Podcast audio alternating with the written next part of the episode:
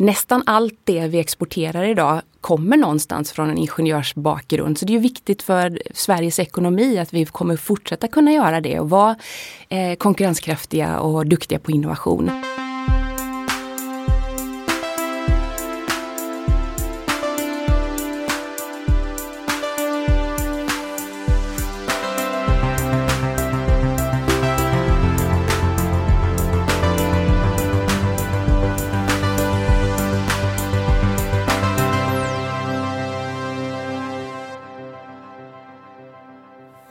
Eh, bra, det här är Heja Framtiden. Med Christian von Essen. Vi sitter på Helio GT30 i Stockholm och eh, bredvid mig sitter, eller mitt emot mig sitter Ulrika Lindstrand, ordförande i Sveriges Ingenjörer. Välkommen till Heja Framtiden. Tack så mycket. Vi kanske ska börja med vad Sveriges Ingenjörer är och gör. Ett fackförbund som har 153 000 mm. medlemmar, mm. ska jag förstå det. Yep. Sveriges Ingenjörer är en kombination av ett fackförbund och ett professionsförbund, vilket är ganska ovanligt. Eh, de allra flesta är bara ett fackförbund därför att man har så många olika yrkeskategorier. Men vi har bara ingenjörer hos oss. Så därför innebär det att vi eh, bevakar egentligen allting som kan vara intressant för våra medlemmar i deras vardag och, och som är viktigt för deras profession. Så att eh, det handlar ju om eh, både rent vanliga fackliga frågor men också det kan vara utbildningsfrågor. Vi har, vi har också egenföretagare som medlemmar. Så att vi bevakar ju också företagsfrågor på den nivån. Och sen är det ju rikstäckande frågor som, som kan påverka eh, hur arbetssituationen ser ut. Så det är ju svensk konkurrenskraft och det är kompetensfrågor. Eh, det kan vara skattefrågor när det handlar om företagsetableringar och så vidare. Och sen har vi också en ganska stor del studenter och en del seniorer. Så att vi har mycket frågor som är direkt kopplade till studenterna också, och deras vardag. Handlar också givetvis mycket om utbildningsfrågor och kompetensfrågor för dem. Men, men, eh, men också mycket information i vad det innebär att vara ny på arbetsmarknaden när man ska ta steg steget från att vara student till att bli yrkesverksam och så vidare. Mm. Mm. Många av de här, de här aspekterna blir ju framtidsrelaterade eh, då i, i den här kontexten. Ja. Eftersom eh, ingenjörsyrket är så brett och så, ja. Så värdefullt för, ja. för det vi ska hålla på med nu. Mm. Absolut och det som är så roligt också det är ju att vi finns i princip i alla branscher och alla sektorer. Så att det är väldigt brett vad man kan syssla med. Det är verkligen ett eh, roligt yrke på det sättet. Mm. mm. Och vad skulle du säga är, eh, om vi nu pratar framtid på en gång. Mm. Vad, vad, är det, vad är det du ser framför dig eh, kommer att behövas mer av ingenjörer? Vad är det för typ av kompetenser som håller på att växa fram? Mm. Men till att börja med så är ju Sverige ett land som är byggt på, på ingenjörskonst. Man brukar säga att Polhem var den svenska mekanikens fader. Så eh, vi har ju en lång och fin tradition även sedan innan dess då med eh, gamla fina företag som är byggda på ingenjörskonst. Och nästan allt det vi exporterar idag kommer någonstans från en ingenjörsbakgrund. Så det är viktigt för Sveriges ekonomi att vi kommer fortsätta kunna göra det och vara eh, konkurrenskraftiga och duktiga på innovation. Ehm, så att vi kommer ju behöva en mix av det som vi redan har.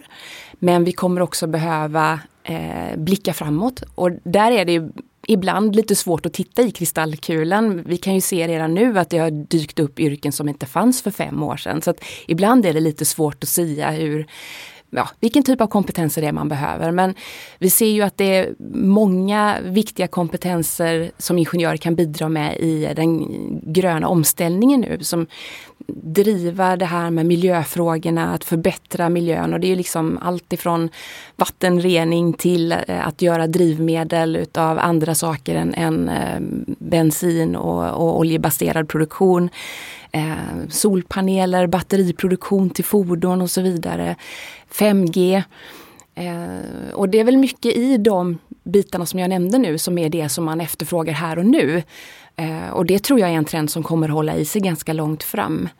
Eh, men sen så ser vi också inom AI att man behöver ha fler folk som är duktiga på att bygga interface mellan maskin och människa.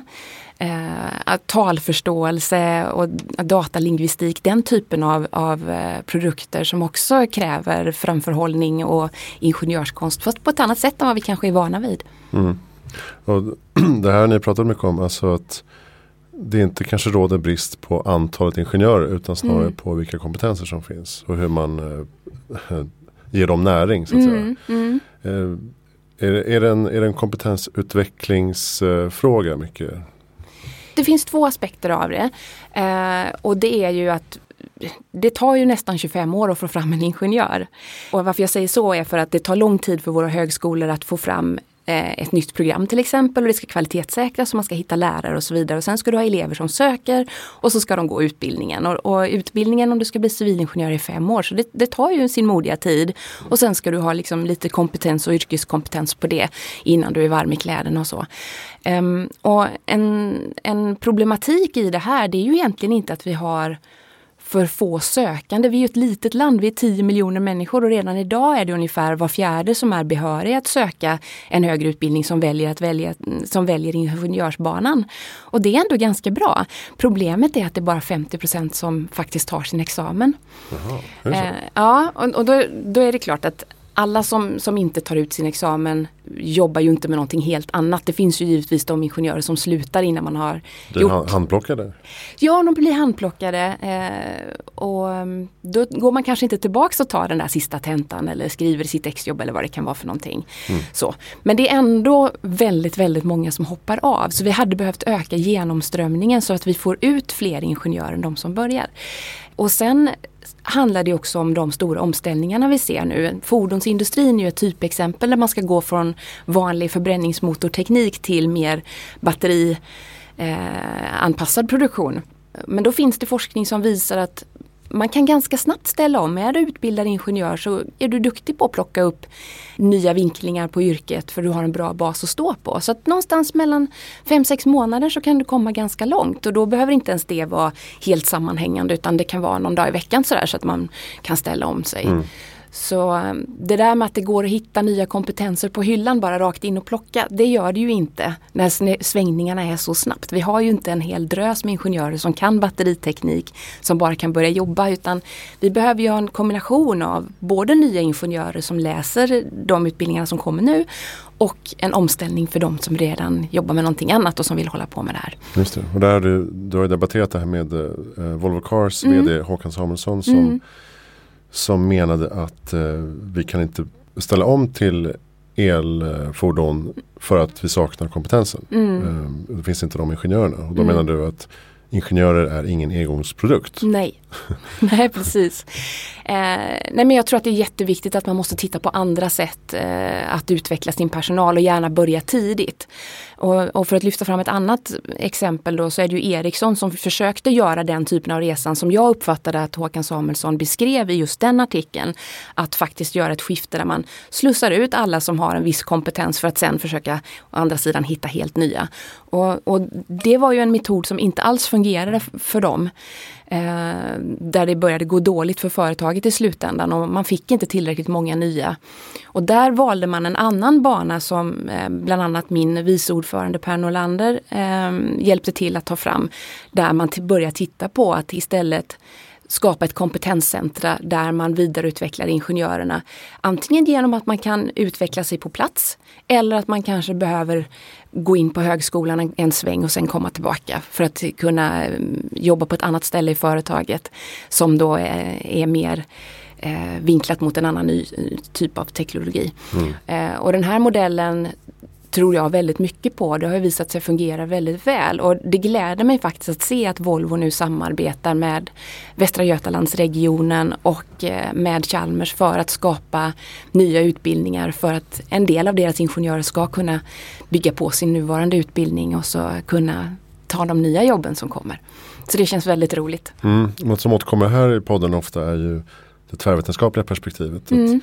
Att, eh, det skulle också vara spännande att se om man kan bygga på ingenjörsexamen med till exempel filosofi mm. eller psykologi mm. eller sociologi och sådana mm. saker som mm. gör att man får nya infallsvinklar på, mm. på arbetet. Mm. Utan att man måste sätta sig liksom i ett år och, och plugga utan att Absolut. man kan få nuggets. Det där tror jag är jätte, jätteviktigt. Eh, inte bara för sin egen kompetens eh, utan också för att få förståelse för andra kompetenser som man måste samverka med. För, för det är i det här lite oväntade mötet mellan olika yrkeskategorier som magin uppstår. Mm. Uh, och jag tycker också att det är en uh, otroligt viktig fråga när vi pratar artificiell intelligens. Då behöver man belysa även de här filosofiska perspektiven och, och de etiska perspektiven. Det är jätteviktigt. Så det tror jag är mycket viktigt att man i framtidens utbildningar inkluderar mycket mer av det. Men också att man på ett tidigt stadium också sätter ihop olika eh, studentkategorier som får lösa verkliga case gemensamt för att bygga de här förståelserna för andras verklighet. Mm. Nu har, ni har ju tagit fram ett, ett initiativ för just livslångt lärande mm. och kompetensutveckling som heter Study Friday. Mm. Vad, vad går det på? Är, är, det konkret att man ska avsätta en dag i veckan? Eller? Vi tog fram det här konceptet tillsammans med, eh, ska vi se så jag kommer ihåg rätt här nu då, eh, sex av våra största lärosäten. Och eh, numera är det dessutom då sju eh, tekniktunga branscher och branschorganisationer från arbetsgivarsidan. Vi var fem när vi började. Mm. För att titta på, men vad kan vi göra? Vad kan vi börja bidra med? Vad kan vi göra själva? Vad skulle vi behöva hjälp utav staten och regeringen att göra? För att vi kände att vi kan inte bara sitta och vänta på att det ska komma något initiativ. Vi måste liksom börja dra i det här själva. Då landade vi i det här konceptet och varför vi kallar det för Study Friday. Det är kanske inte för att alla ska plugga just på fredagar men, men eh, det finns en liten poäng i att försöka sätta av en dag i veckan. Det blir mer förutsägbart för den anställde, det blir mer förutsägbart för företagen. Eh, men också för våra lärosäten som ska ta emot den här typen av elever som då skiljer sig från, från eh, studenter som kommer direkt från gymnasiet. Så är man också mer medveten om när de kommer och man kan anpassa sin undervisning efter det. Så ehm, det hela bygger på egentligen att näringslivet måste bli bättre på att ha eh, en eh, en framsynthet och en långsiktighet och fundera över ja, men vad är det vi kommer behöva om 5-10 år tala om det för våra lärosäten som givetvis inte är tankeläsare. De måste ju veta vad som är i ropet så att de kan se till att det kommer in kurser eh, som företagen efterfrågar. Men sen har ju de också en, en resa att göra på lärosätena. Ehm, man måste kunna eh, göra moduler som är korta och flexibla för mm. yrkesverksamma studenter. För, för, som yrkesverksam så är det kanske inte så troligt att man tar ett helt år av och sätter sig på skolbänken utan man behöver kunna jobba samtidigt. Eh, inte minst för den finansiella biten. Har man eh, redan maxat ut sitt studielån för att man har läst en lång utbildning och, och, så vidare och man har familj och huslån och hela den biten så, så är det ju tufft att gå ner i inkomst om man ska sätta sig på skolbänken. Eh, vi tror också det är viktigt att mycket av de här eh, kurserna för yrkesverksamma blir digitala. Så att du kan läsa på distans. För våra lärosäten finns i och för sig relativt utspridda över landet men de är ju centrerade många gånger kring våra stora orter och vi vill ju att alla i Sverige ska få möjlighet att kunna gå de här påbyggnadskurserna. Um, och sen så handlar det ju för, förstås om finansieringen. Uh, och där tror vi att vi behöver hjälpas åt. Individen behöver bidra på, på något sätt. Uh, och företagen behöver givetvis bidra, inte minst med tid men kanske också finansiellt. Eh, och våra lärosäten måste få en annan finansieringsmodell från, från regeringen än vad de har idag. Eh, därför att de får inte pengar på samma sätt eh, för yrkesverksamma som de får för, för studenter som kommer direkt från gymnasiet. Så att där behöver vi titta på, på lite olika faktorer. och jag läste i, i morse att regeringen glädjande nog i sin budgetproposition nu har förlängt försöket med att eh, sänka arbetsgivaravgiften för företag som investerar i Sverige i forskning och utveckling. Och då tänker vi att ett sätt att eh, haka på den modellen skulle kunna vara att också sänka arbetsgivaravgifterna för de företag som vill investera i eh, avancerad eh, kompetensutveckling för sina anställda. Så att lite grann lätta bördan för, ja, för dem. Det är inte riktigt forskning och utveckling men nästan. Ja, ja. ja. Men, men finns utbildningarna då? Du de har en väg att gå. Men, mm. men eh, om man nu får till det här mm. eh, med finansiering och eh, företagen är, är, med på tåget mm. och den anställde. Mm. Finns de här modulutbildningarna idag eller är det någonting som måste skapas? Mm, det, är, det, finns några lärosäten som har börjat jobba med det här mm. och, och, som, är, som är riktigt duktiga på det. Men inte alla tyvärr. Eh, och det hänger ju mycket ihop med resurserna. Eh, och också att man inte har dimensionerat antalet lärare och så vidare för den här typen av utbildningar. Och ska man dessutom digitalisera sina utbildningar så kräver det ju väldigt mycket jobb i början.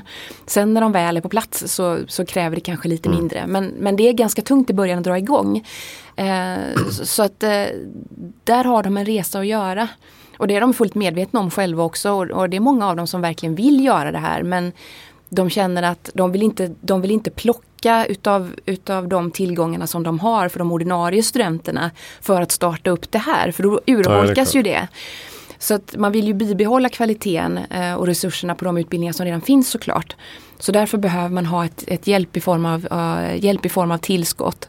Eh, och de som har börjat nu, många av dem har ju då börjat med det som kallas för uppdragsutbildningar där man går ihop och får en specialbeställning som till exempel nu då i Västra Götalandsregionen med, med Volvo och regionen som har gått in och ja, lagt beställningar. Att det är en, en finansiär som ja, säger att de, det här vill ja, vi ha. Precis. Mm.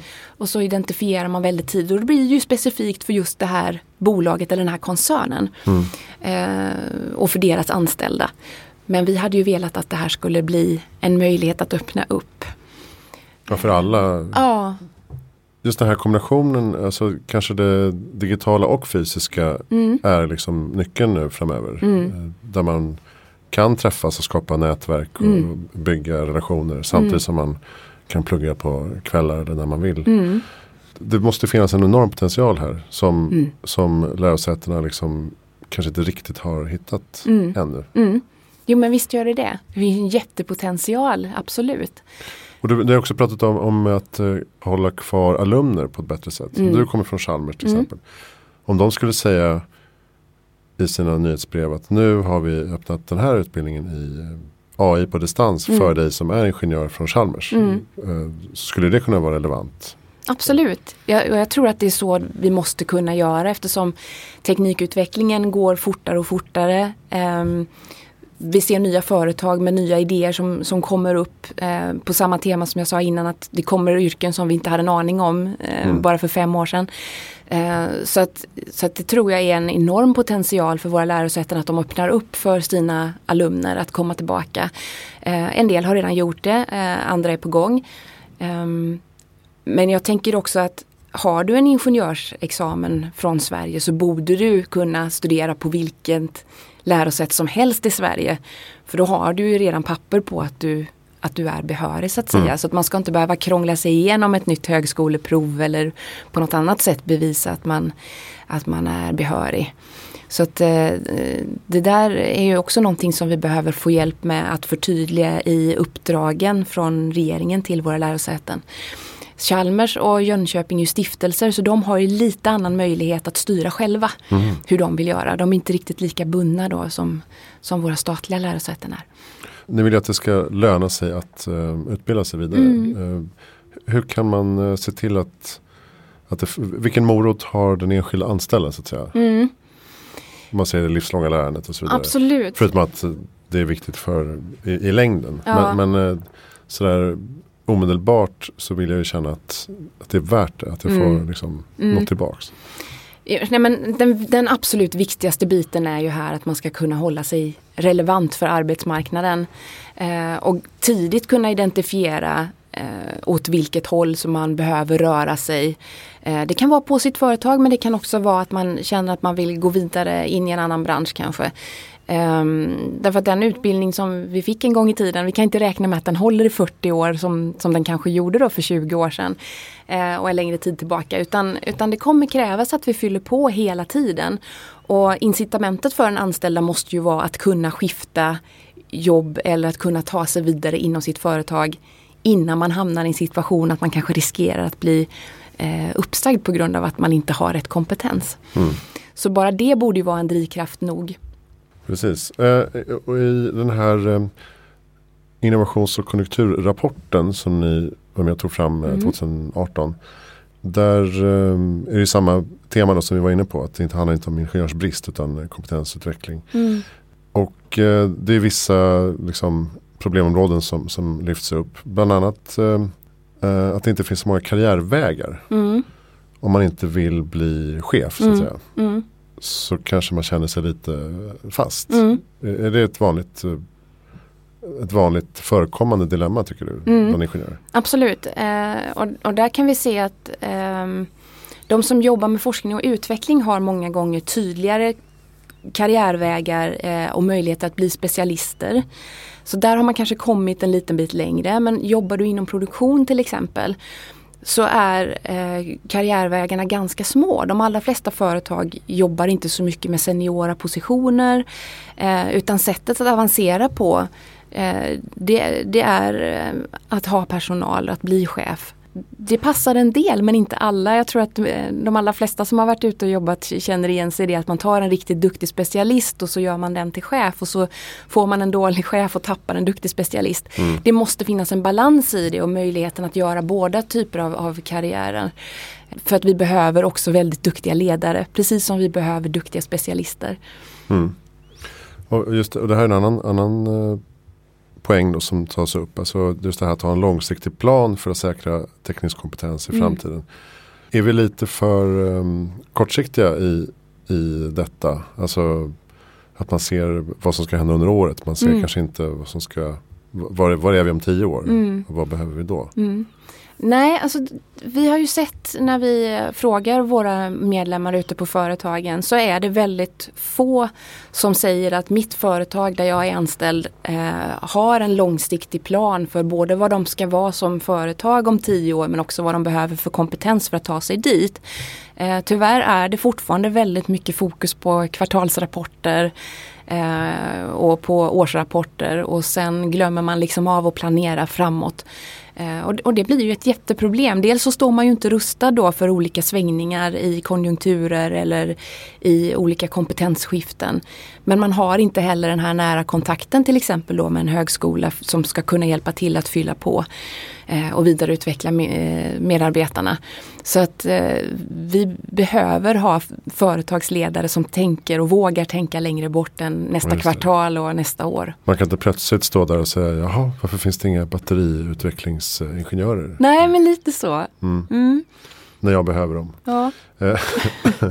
Gärna tusen stycken. Ja överlag då kan man säga att budskapet är att alltså närmare samarbete och samverkan mellan eh, näringsliv och akademi är mm. ju liksom det vi måste få, få till på något mm. sätt. Ja, inte bara då när det gäller forskning för att där, där finns det ju eh, olika kontakter redan idag även om det kan bli mycket bättre. Det finns industridoktorandtjänster och så vidare och man växlar lite grann personal med varandra för att försöka upprätthålla kompetens även, även för dem. Då. Eh, men, men det behövs mycket fler samarbeten eh, och inte så vattentäta skott emellan. Mm.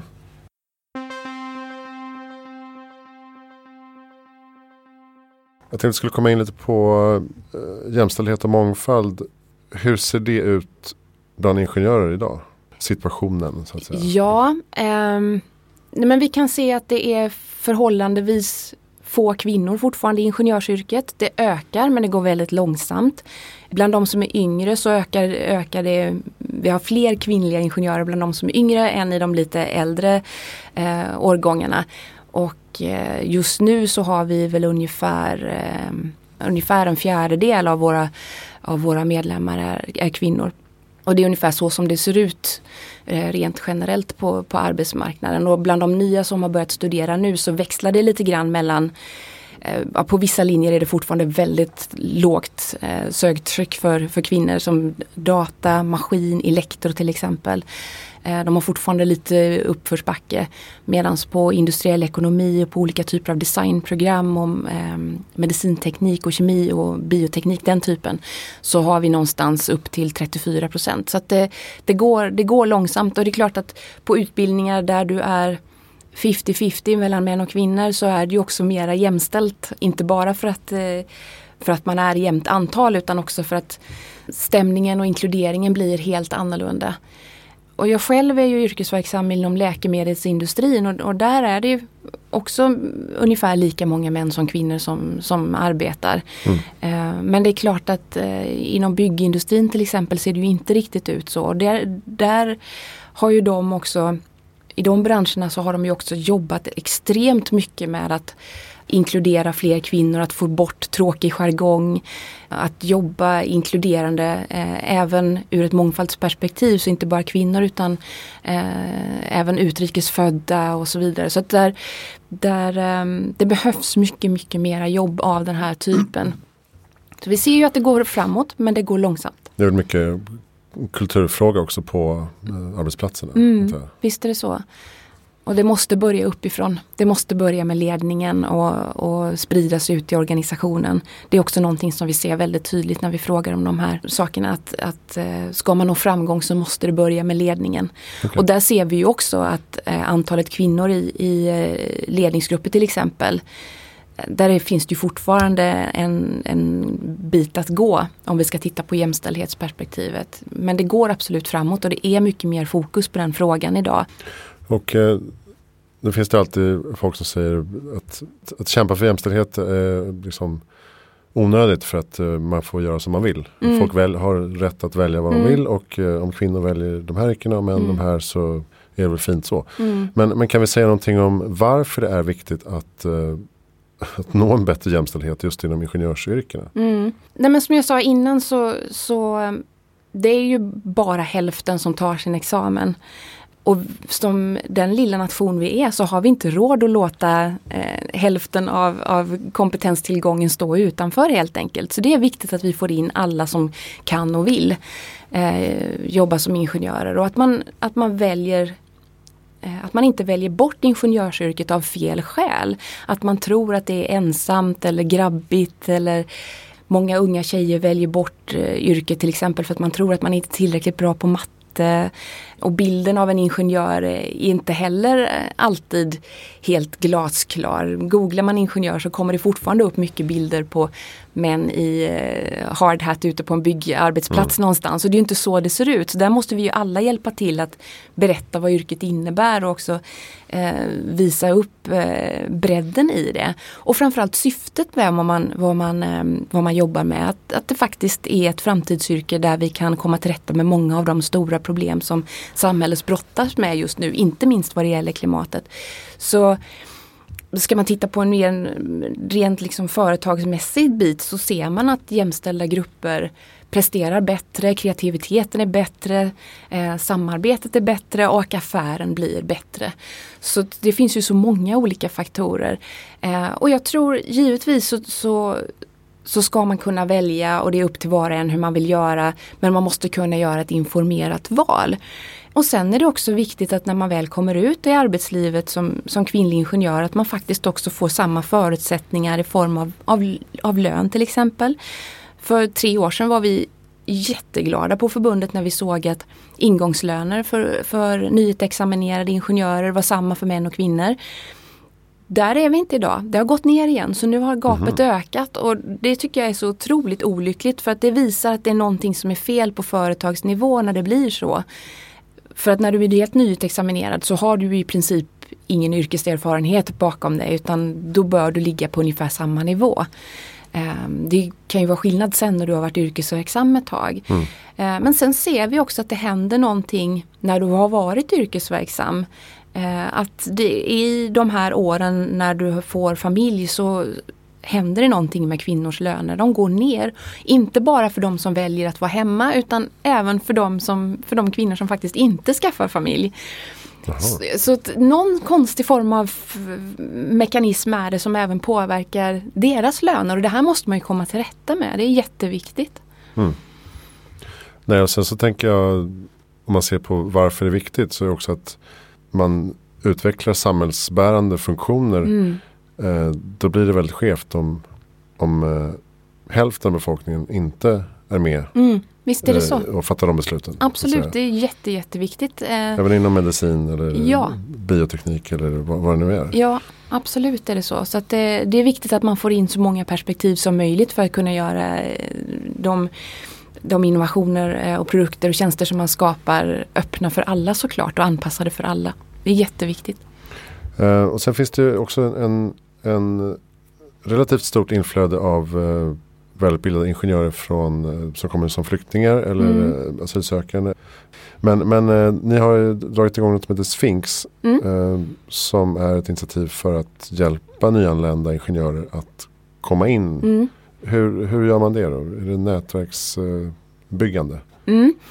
Det är ett samarbete som vi startade upp för, tror att det är nästan 12 år sedan nu.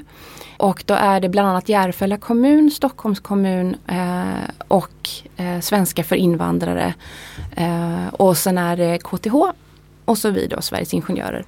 Eh, och det innebär att du läser svenska för invandrare men med ingenjörsvokabulär. Det finns ju en vansinnig massa eh, ord som man kanske inte lär sig annars på, på SFI som du behöver för att kunna fungera väl på en arbetsplats om du ska jobba som Mm. ingenjör. Sen får du dessutom en, en eh, mentor Eh, som är medlem hos oss.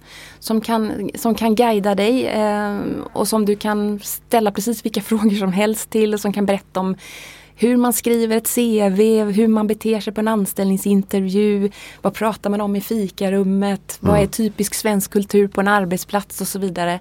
Hur förväntas vi vara och sådär. Och, och det, det där är ju jätte, jätteviktigt när du kommer hit och inte har en aning om hur det, hur det fungerar. Och sen så ställer då eh, Stockholm och Järfälla, eh, Stockholms stad och Järfälla kommun upp med praktikplatser så du får komma ut och göra praktik. Eh, och väldigt många utav dem leder sen till anställning. Det är fantastiskt roligt att se. Det har varit väldigt framgångsrikt. Och vi hade gärna sett eh, att vi har kunnat sprida det här till fler kommuner. Men än så länge så har vi inte riktigt fått, fått napp. Och en del av det handlar om att Arbetsförmedlingen har haft väldigt dålig koll på vilka eh, akademiker det är som har kommit in och var de finns någonstans. Så det har inte varit så lätt att hitta alltså, kontakten. Eh, men det har blivit bättre under senare år så jag hade tyckt det var fantastiskt om vi hade kunnat starta det på fler ställen än bara här i Stockholm eftersom det har varit så framgångsrikt. Okej, ja men det är en uppmaning till eh, kommunpolitiker Mm, i Sverige att eh, kunna haka på eftersom det finns en fungerande modell. absolut. Mm. Du, du jobbar på ett life science-bolag med läkemedelsutveckling. Mm. Eh, halvtid vad jag förstår. Och så halvtid som förbundsordförande. Jag har 60% på Sveriges Ingenjörer och sen Ja. är jag 40% på eh, mitt företag där jag jobbar. Då. Mm. Just det. McNeil. Ja, McNeil heter det. Det var Pharmacia när jag började en gång i tiden. Ja, vad det? Ja, Okej. Sen har vi haft fyra ägare sen, sen dess. Eh, och nu så tillhör vi då en del i Johnson Johnson-koncernen som kallas för McNeil. Just det. Mm. Och vad, ser, vad ser du eh, för framtid eh, inom den branschen? Och vad är det som håller på att hända? Det finns ju otroligt mycket Mm spännande saker. Mm, det, det händer jättemycket och ehm, precis i, i, på mitt företag där jag jobbar så, så är vi mest kända för Nicorette-produkterna så det är ju eh, att hjälpa folk att sluta röka helt enkelt. Och där Mm. ser vi ju att våra produkter blir mer och mer efterfrågade i takt med att man får rökförbud på offentliga platser och så vidare. Och att det är ett helt annat fokus eh, på hälsa och på de eh, kostnader som det innebär för vården med rökrelaterade skador eller rökningsrelaterade skador. Ehm, inte bara här då i Europa utan på många andra ställen runt om i världen. Så att det känns jätteroligt att kunna vara med och bidra till det. Sen ser man ju generellt tycker jag ehm, en vridning i life science kring att man jobbar mer med individbaserad medicin. Ehm, och då går man ju in och tittar mycket mer på, på DNA och på vad som är unikt för just dig och försöker skräddarsy en behandling. Mycket komplext, eh, kommer kräva väldigt mycket forskning, blir dyrt. Eh, men kan ju å andra sidan då eh, hjälpa personer som har åkommor som är väldigt svåra att komma åt med traditionell medicinering. Ehm, vi vet också att det forskas en del på, på ny antibiotika. Inte så mycket som hade behövts men det, det är ju ett område som jag hoppas kommer att växa mer framöver för att eh, just antibiotikaresistens är ett allvarligt hot för, för mänsklig befolkning. Ehm, och även för våra djur. För det är ett kretslopp det här. I, Mm. I Norden är vi ju väldigt duktiga på att inte ge antibiotika varken till djur eller människor men utomlands är det ju inte så. Vilket gör att resistenten sprider sig eh, och innebär att vi snart är tillbaka där vi var för, för antibiotikan kom och, och liksom avlider av ganska banala åkommor i våra ögon idag. Då. Så att Mm. där, eh, där behöver vi göra någonting och där behöver vi göra någonting fort.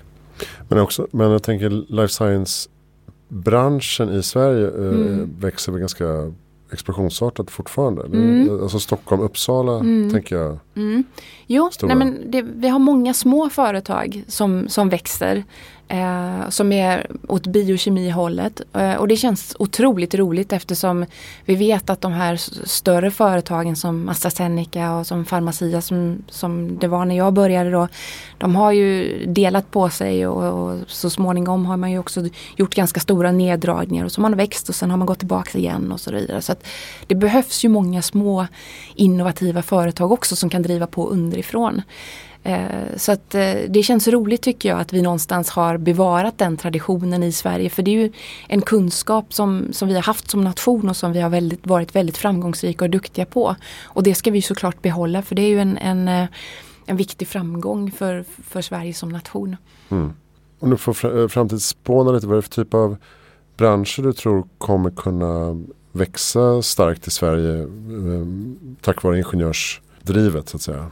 Kommer vi ta tillbaks fordonsindustrin? Uh, ja, det beror ju på hur snabbt vi klarar av att ställa om såklart. Mm. Men det ligger ju en jättepotential i elektrifiering utav fordonsindustrin. Inte bara personbilstrafik då, utan även tunga fordon och eh, även på, på fartygssidan.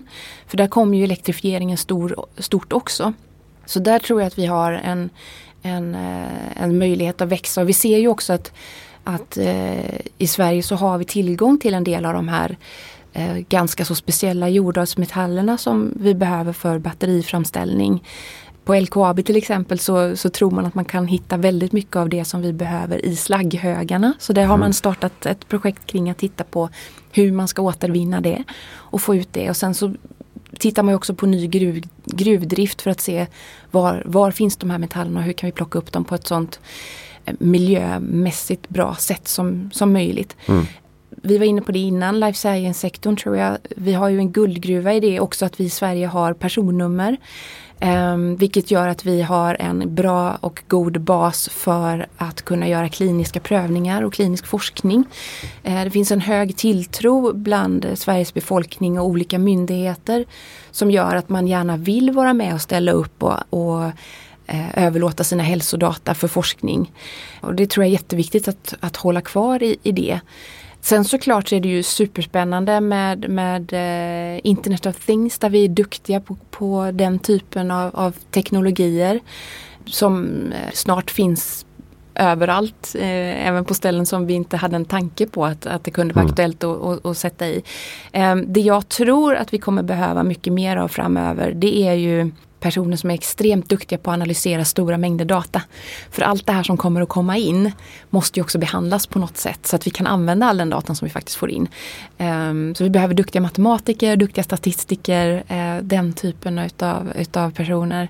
Förutom då de kanske mer traditionella ingenjörsingångarna som, som man pratar om. Mm. Uh, medicinteknik. Uh, vården är i, i stort behov av att få in mer teknik för att kunna bli mer effektiv och kunna hjälpa personer på ett mer effektivt sätt. Och det finns också en, ehm, en, en uttalad strategi och jag tror också att det är många människors eh, vilja att kunna bo kvar hemma så länge som möjligt och då kommer vi också vara beroende av att kunna få hjälp av olika typer av eh, teknologier i hemmen för att kunna bo hemma och inte vara beroende av att kanske hamna på ett vårdboende när man blir äldre och så vidare. Man vill kunna klara sig mera själv. Um, så det, det finns väldigt många spännande branscher. Vi ser ju också att vi hade ett stort skifte här inom eh, papper och massateknologin till exempel. Där man gick från tidningspapper in i förpackningsindustrin. Där händer det fortfarande mycket saker. Vi går från att tillverka bränsle utav fossilt material till att använda förnyelsebart i form av skogsråvara. Där är vi också väldigt, väldigt duktiga och ligger långt framme. Så att jag tror att vi behöver satsa mer på den typen av, av utveckling och också se på inte bara vad vi kan göra för oss här hemma i Sverige utan också vad vi kan exportera. Eh, så, så hela den här gröna nya teknologin tror jag kommer växa explosionsartat. Mm. Men också hur vi planerar våra samhällen. De har ju varit väldigt planerade kring att bilen ska få plats.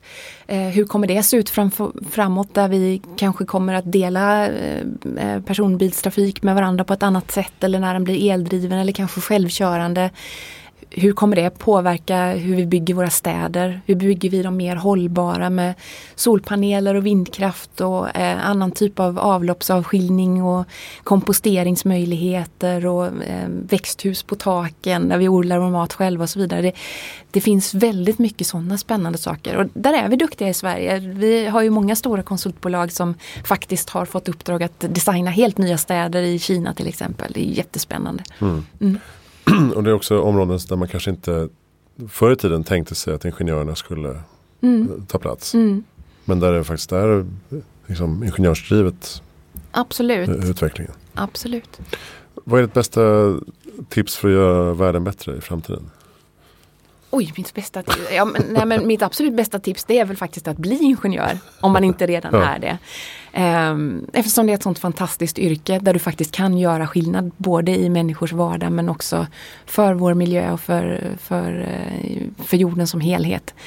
Ehm, det är så otroligt brett. Eh, så att eh, det är ett fantastiskt yrke. Och Mikael Damberg när han var näringsminister, han, upprepade det ofta framförallt när han pratade med, med unga människor att vill du rädda världen så bli ingenjör och det ligger väldigt mycket i det. Mm. Mm. Har du några bra lästips? Jag läser själv väldigt mycket eh, men men jag måste nog villigt erkänna att när jag läser så blir det ofta eh, handlingar eller så försöker jag koppla av hjärnan med att läsa eh, någon deckare eller sådär. Så, det, det, är sällan jag läser någon ren sån Annars så, sen tycker jag det är roligt om man tittar tillbaka. Eh, så. Vi tog fram en bok i samband med, med vårt 150-årsjubileum på Sveriges Ingenjörer som handlade om Polhem Eh, och hans uppfinningar varav en hel del av dem använder vi fortfarande som, mm. Eh, som hänglåset till exempel. Och Slussen som alla stockholmare är otroligt välbekant med för att det är ett stort hål just nu eh, är ju faktiskt också en av utav hans. Eh, han, han byggde den eh, originalslussen så att säga. Det gjorde han på ålderns höst och då var han så sjuk på slutet så de fick bära ner honom från hans hem så att han kunde inspektera. Mm -hmm. Men han har gjort otroligt mycket för, för, eh, för svensk ingenjörskonst. Bland annat så, så hittade han på ett, ett sätt att transportera upp vatten ur gruvor eh, och få ner frisk luft så att man faktiskt kunde stanna under jord mycket längre. Han byggde, förutom Slussen här i Stockholm, så, så byggde han en stor torrdocka i, i Karlskrona som gjorde att det blev en väldigt stor och framgångsrik eh, varvsstad. Eh, han har gjort fantastiskt mycket roligt som, som, och det tycker jag är ett jätteroligt eh, lästips faktiskt. För man ser mm. hur mycket eh, hur mycket av den här gamla fina ingenjörskonsten vi faktiskt har jättestor nytta av idag och som vi tar för givet. Mm. Bra, kolla upp Polhem. Ja. Eh, vem tycker att jag ska intervjua i framtiden? Vi har ju fått två nya ministrar eh, som jag tror har en stor påverkan. Dels Ann Linder eh, på, som är vår nya utrikesminister som har varit handelsminister innan. Relationerna för Sverige som handelsnation är ju fortfarande jätte, jätteviktiga. Eh, att vi eh, klarar av att upprätthålla frihandeln. Otroligt viktig för svensk export. Och sen så eh, har vi Eva Normark som eh, är vår nya arbetsmarknadsminister som har ett gediget uppdrag nu med 73-punktsprogrammet eh, där en stor del eh, givetvis får påverkan på, på våra medlemmar. I det att man tittar på att ändra arbetsrättslagstiftningen. Och sen har vi en ny gammal minister då, Matilda Ernkrans som är ministern för forskning och högre utbildning som eh, verkligen är en av de som är nycklarna för att kunna få till till exempel det här med Study Friday eh, konceptet. Som kan se till att det blir lite, lite fart i det här som Sverige så väl behöver för att vi ska kunna ligga i framkant och fortfarande vara innovativa och konkurrensmässiga. Eh, så att vi fortsätter att kunna ha en stark arbetsmarknad i Sverige och fortsatt ha jobb för våra ingenjörer och för alla andra givetvis. Bra, tack snälla Ulrika Lindstrand eh, för att du kom till Heja Framtiden. Tack så mycket, vad roligt att komma hit. Ja, och eh, vi kör vidare från Helgjugget till 30 i Stockholm och eh, allt du behöver veta finns på hejaframtiden.se och följ oss i sociala medier. Jag heter Christian von Essen. Hej! Bra.